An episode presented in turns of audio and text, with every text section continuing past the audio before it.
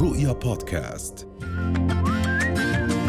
حديث عن الانقطاع الذي يحدث في التنفس أثناء النوم. رح نتحدث عن أهم الأسباب وأيضا طبعا العلاجات مع الدكتوره إسلام زياد يسعد صباحك وحضرتك استشاريه طب وجراحة الأنف والأذن والحنجرة. أهلا وسهلا فيك أهلا وسهلا فيك صباح الخير دانا إليك بهذا الصباح الجميل ببداية عام 2024 أه بتمنى بهذا الصباح أول شيء كل عام والوطن وقيادته الهاشمية الحكيمة شعبه وجيشه أجهزته الأمنية بألف خير. مع أمنياتنا بتحقيق النصر وتحقيق النصر والتحرير للشعب المناضل بغزة. وطبعا عام يملأه إن شاء الله الخير والبركة والسعادة والسلام على العالمين الوطني الإسلامي والعربي. يا رب. وشكرا كثير على الاستضافة. أهلا وسهلا فيك دكتورة. لما نتحدث عن هذه المشكلة شائعة فيما يتعلق بانقطاع التنفس أثناء النوم ولكن لإنها تحدث أثناء النوم في نفس الأشخاص بيكونوا مش مدركين إنهم بيعانوا من هذه المشكلة، كيف يتم تشخيصها في البداية ومن ثم نتحدث عن الأسباب؟ طب خلينا بالبداية نعرف ما يسمى بمتلازمة انقطاع التنفس في نعم. أثناء النوم أو بسموها سليب ابنيا سندروم. هلأ هاي المتلازمة هي عبارة عن نوبات متكررة من انقطاع التنفس الكلي أو الجزئي نعم. اللي بيحدث خلال النوم طبعا ويصاحبه أعراض. الأعراض بتكون رح نحكي عنها بالتفصيل كمان شوي بس مينلي بيكون في نعاس مفرط في أثناء النهار بالإضافة إلى أعراض لإصابة الجهاز القلب وجهاز الأوعية والدوران. طبعا هي مشكلة خطيرة وشائعة وزي ما أنت حكيتي كثير كثير مهم نعرف إنه ما في توعية كافية. يعني أنا كثير انبسطت امبارح لما قالوا لي إنه بدنا نحكي عن هذا الموضوع ما بشوف في عليه تركيز نعم. بوسائل الإعلام بشكل عام ما في توعية كبيرة. وبنفس الوقت الإحصائيات تشير إلى اعداد ازدياد أول شيء بإعداد الإصابة. وتشير إلى أرقام يعني صراحة كثير كبيرة نعم فكرة انقطاع التنفس النومي دكتورة متقاربة من فكرة الشخير يعني بيجي نعم. يمكن الشخص اللي بينام بنفس بالضبط. الغرفة مع الشخص اللي بيشخر أو عنده انقطاع النوم بيحكي لك أنا لا ما بشخر الشخص اللي بيعاني من الانقطاع ممكن يحكي لك لا أنا ما عندي هاي المشكلة. نعم. فهل يجب تشخيصها من خلال الأعراض اللي حكيتيها الشعور بالتعب النعس ولا في عيادات نوم خاصة لتشخيص هذه المشكلة؟ إيه رح أخبرك. هلأ إيه إحنا لما نحكي عن انقطاع التنفس أو متلازمة انقطاع التنفس في أثناء النوم قاعدين عم نحكي عن مجموعة كبيرة من الاضطرابات التنفسية التي تحدث في أثناء النوم. نعم.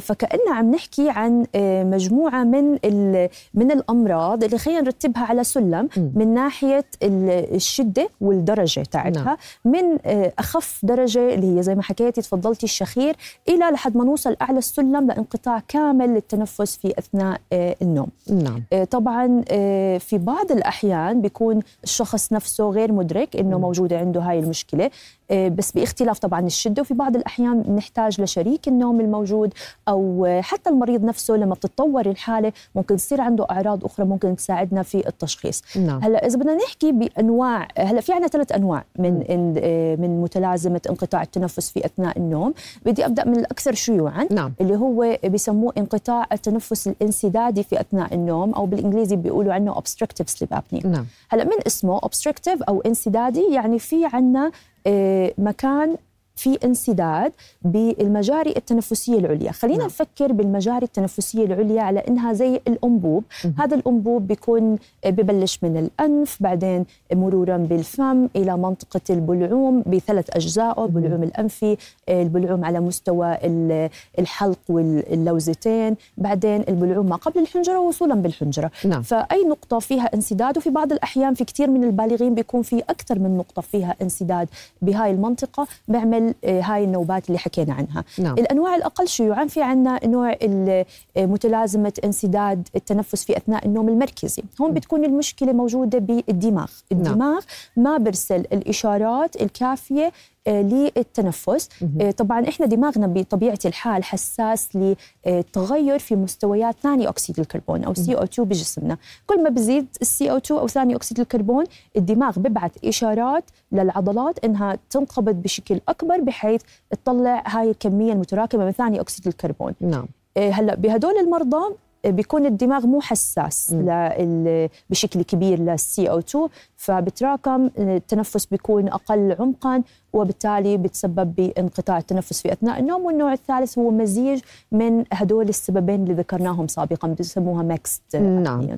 آه فيما يتعلق بالتأثيرات أو المضاعفات لهذه المشكلة شو بتكون؟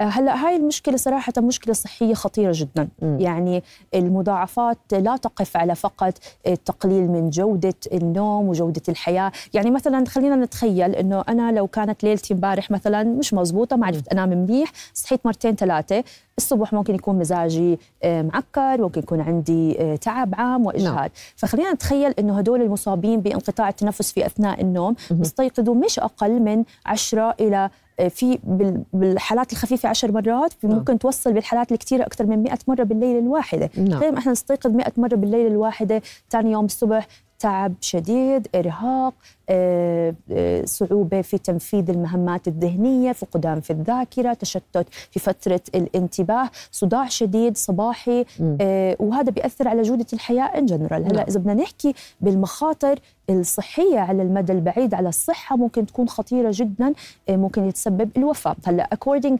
لآخر إحصائيات طبعا أنا امبارح قبل ما أجي هون على اللقاء حاولت إنه أنا أطلع الإحصائيات الجديدة أي statistics عشان يكون updated نعم. فحسب إحصائيات آه، منظمة النوم الأمريكية آه، تقريبا آه، الأشخاص اللي عندهم متلازمة انقطاع التنفس في أثناء النوم معرضين لخطر الوفاة أكثر بثلاث مرات من. غيرهم من الطبيعيين، أكثر الأسباب شيوعا هي مشاكل يعني أسباب الوفاة هي مشاكل القلب وجهاز نعم. الدوران.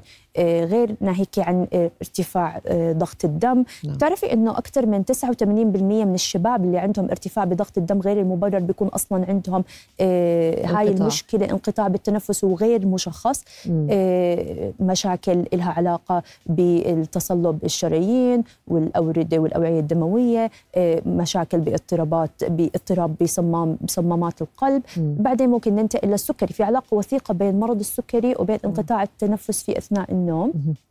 أول شيء آه، انقطاع التنفس بيزيد من احتمالية إصابتنا بمرض السكري من النوع الثاني مم. ومرض السكري من النوع الثاني تقريبا فوق 80% منهم عندهم انقطاع تنفس في أثناء النوم آه، شو العلاقة بتكون بين العلاقة إنه انقطاع التنفس في أثناء النوم بيرفع من مقاومة الأنسولين فبيخلينا آه. معرضين للإصابة بالمرض السكري والمرضى السكري النوع الثاني بيكون عندهم سمنة زائدة نعم. أو زيادة في الوزن وهذا طبعا بيسبب برضه إغلاق بمجرى التنفس اللي نعم آه، هل هناك فئات آه، عرضة لهذه المشكلة أكثر من غيرها طبعا بحسب تعدد أيضا الأسباب نعم طبعا هلأ آه، بشكل عام إذا بدنا نحكي بالفئات الأكثر خطورة أو أكثر معرضة أكثر للإصابة م. بهاي المتلازمة عم نحكي عن كبار السن كل ما تقدم العمر كل ما زادت. وهذا لا يعني أنه ما بصيب الأطفال يعني بدنا نعم. نحكي إذا بتحبي ممكن نحكي شوي عن انقطاع التنفس في أثناء النوم عند الأطفال صراحة وله خطورة كثير كبيرة نعم. عليهم يعني آه، تخيلي إنه الأطفال اللي بيصير عندهم انقطاع في التنفس ممكن تكون المظاهر اللي بتظهر عليهم هو فرط نشاط زيادة بالحركة تشتت الانتباه انخفاض التحصيل العلمي آه، مشاكل بالنمو والتطور عندهم تفاقم الربو تبول لا إرادي آه كثير من المشاكل اللي ممكن تيجي بالأطفال نعم. آه آه عندنا كمان الجنس بالعادة الذكور معرضين أكثر للإصابة بانقطاع التنفس في أثناء النوم أكثر من الإناث التاريخ العائلي نعم. الوراثي نعم. التدخين شرب الكحول طبعاً. أسلوب الحياة بشكل عام بيأثر أكيد صحيح؟ أكيد طبعا التدخين يعني يعتبر قاتل هلأ التدخين هو نفسه ممكن يعمل آه، هاي المشكلة وإحنا بننصح المرضى اللي شخصوا بهاي الحالة إنه يقلعوا عن التدخين لأنه آه، ممكن يفاقم المشكلة ويزيدها سوءا. نعم. آه يعني من خلال اللي بتحكيه المشكلة الأعراض آه، يعني متشعبة وممكن نعم. تقودنا لنفكر بخيارات تانية مش مشكلة الانقطاع التنفسي. فتحدثينا عن أدق الاختبارات لهذه المشكلة ومن ثم عن العلاجات والحلول. صحيح. هلأ إذا شكينا بوجود هاي المتلازمة لازم نروح بالبداية إن هدول المرضى بيجونا دائما بالعيادة عند عيادة نعم. الأنف والأذن والحنجرة عشان نعمل آه، فحص كامل لمجرى التنفس العلوي نعم. آه، هلأ إذا بدنا ناخذ منهم سيرة مرضية بدنا نستدعي برضه شريكهم بالنوم مرات بيكون بيصير witness case يعني هم بيشوفوهم مثلا بحالة لهاث بسموهم gasping for air يعني بيقوموا من النوم بشكل مفاجئ بدهم هواء فهذا ممكن يخبرنا عنه شريك النوم نعم. بالإضافة إلى فحص كامل للمجرى التنفسي العلوي ممكن نفحص الأنف ممكن نلاقي مرات عندهم أماكن فيها انسداد زي مثلا انحراف الحاجز الأنفي تضخم القرينات الأنفية الناميات اللحمية عند الأطفال وغيرها لوصولا إلى الحنجرة نعم. بس إذا نحكي عن ال gold standard للتشخيص أو خلينا نحكي اللي هو الشيء الرئيسي المعتمد اللي بيعطيني تشخيص دقيق هو بنحكي قاعدين عن دراسة النوم أو م. تخطيط النومي الليلي نعم. بسموها ال polysomnography ال polysomnography هي عبارة عن دراسة بيكون المريض بحاجة إلى إنه يتوجه إلى مستشفى أو إلى عيادة اللي هي معالجة نعم. للنوم بينام يعني خلال النوم بيكون محطوط فيه أجهزة كثير أجهزة بتقيس بتقيس تخطيط للقلب للتنفس آه، تدفق الهواء نعم. إي إي جي بيكون كمان مربوط بالدماغ برضه إشارات للدماغ وبيحسبوا آه، معامل بسموه respiratory disturbance index يعني بيعدوا قد إيه أحداث تنفسية صارت خلال الساعة الواحدة من النوم نعم. آه، بناء على عددها وتكرارها آه، بنقدر نشخص وبنقدر كمان نصنف من درجة خفيفة نعم. إلى درجات بآخر دقيقة أو أقل أهم العلاجات في حال تم التشخيص للانقطاع التنفس بأنواعه الثلاثة هلأ آه، العلاج طبعا بيشمل زي ما انت حكيتي علاج سلوكي تعديل آه، بسموه سليب هايجين يعني إنه نظبط النوم تبعنا بحيث إنه نتبع مجموعة من الإرشادات بنخبرها للمريض كيف من أهمها إنه مثلا تكون الغرفة هادية ومجهزة للنوم نحاول إنه نتفادى العشاء والوجبات القوية قبل قبل النوم.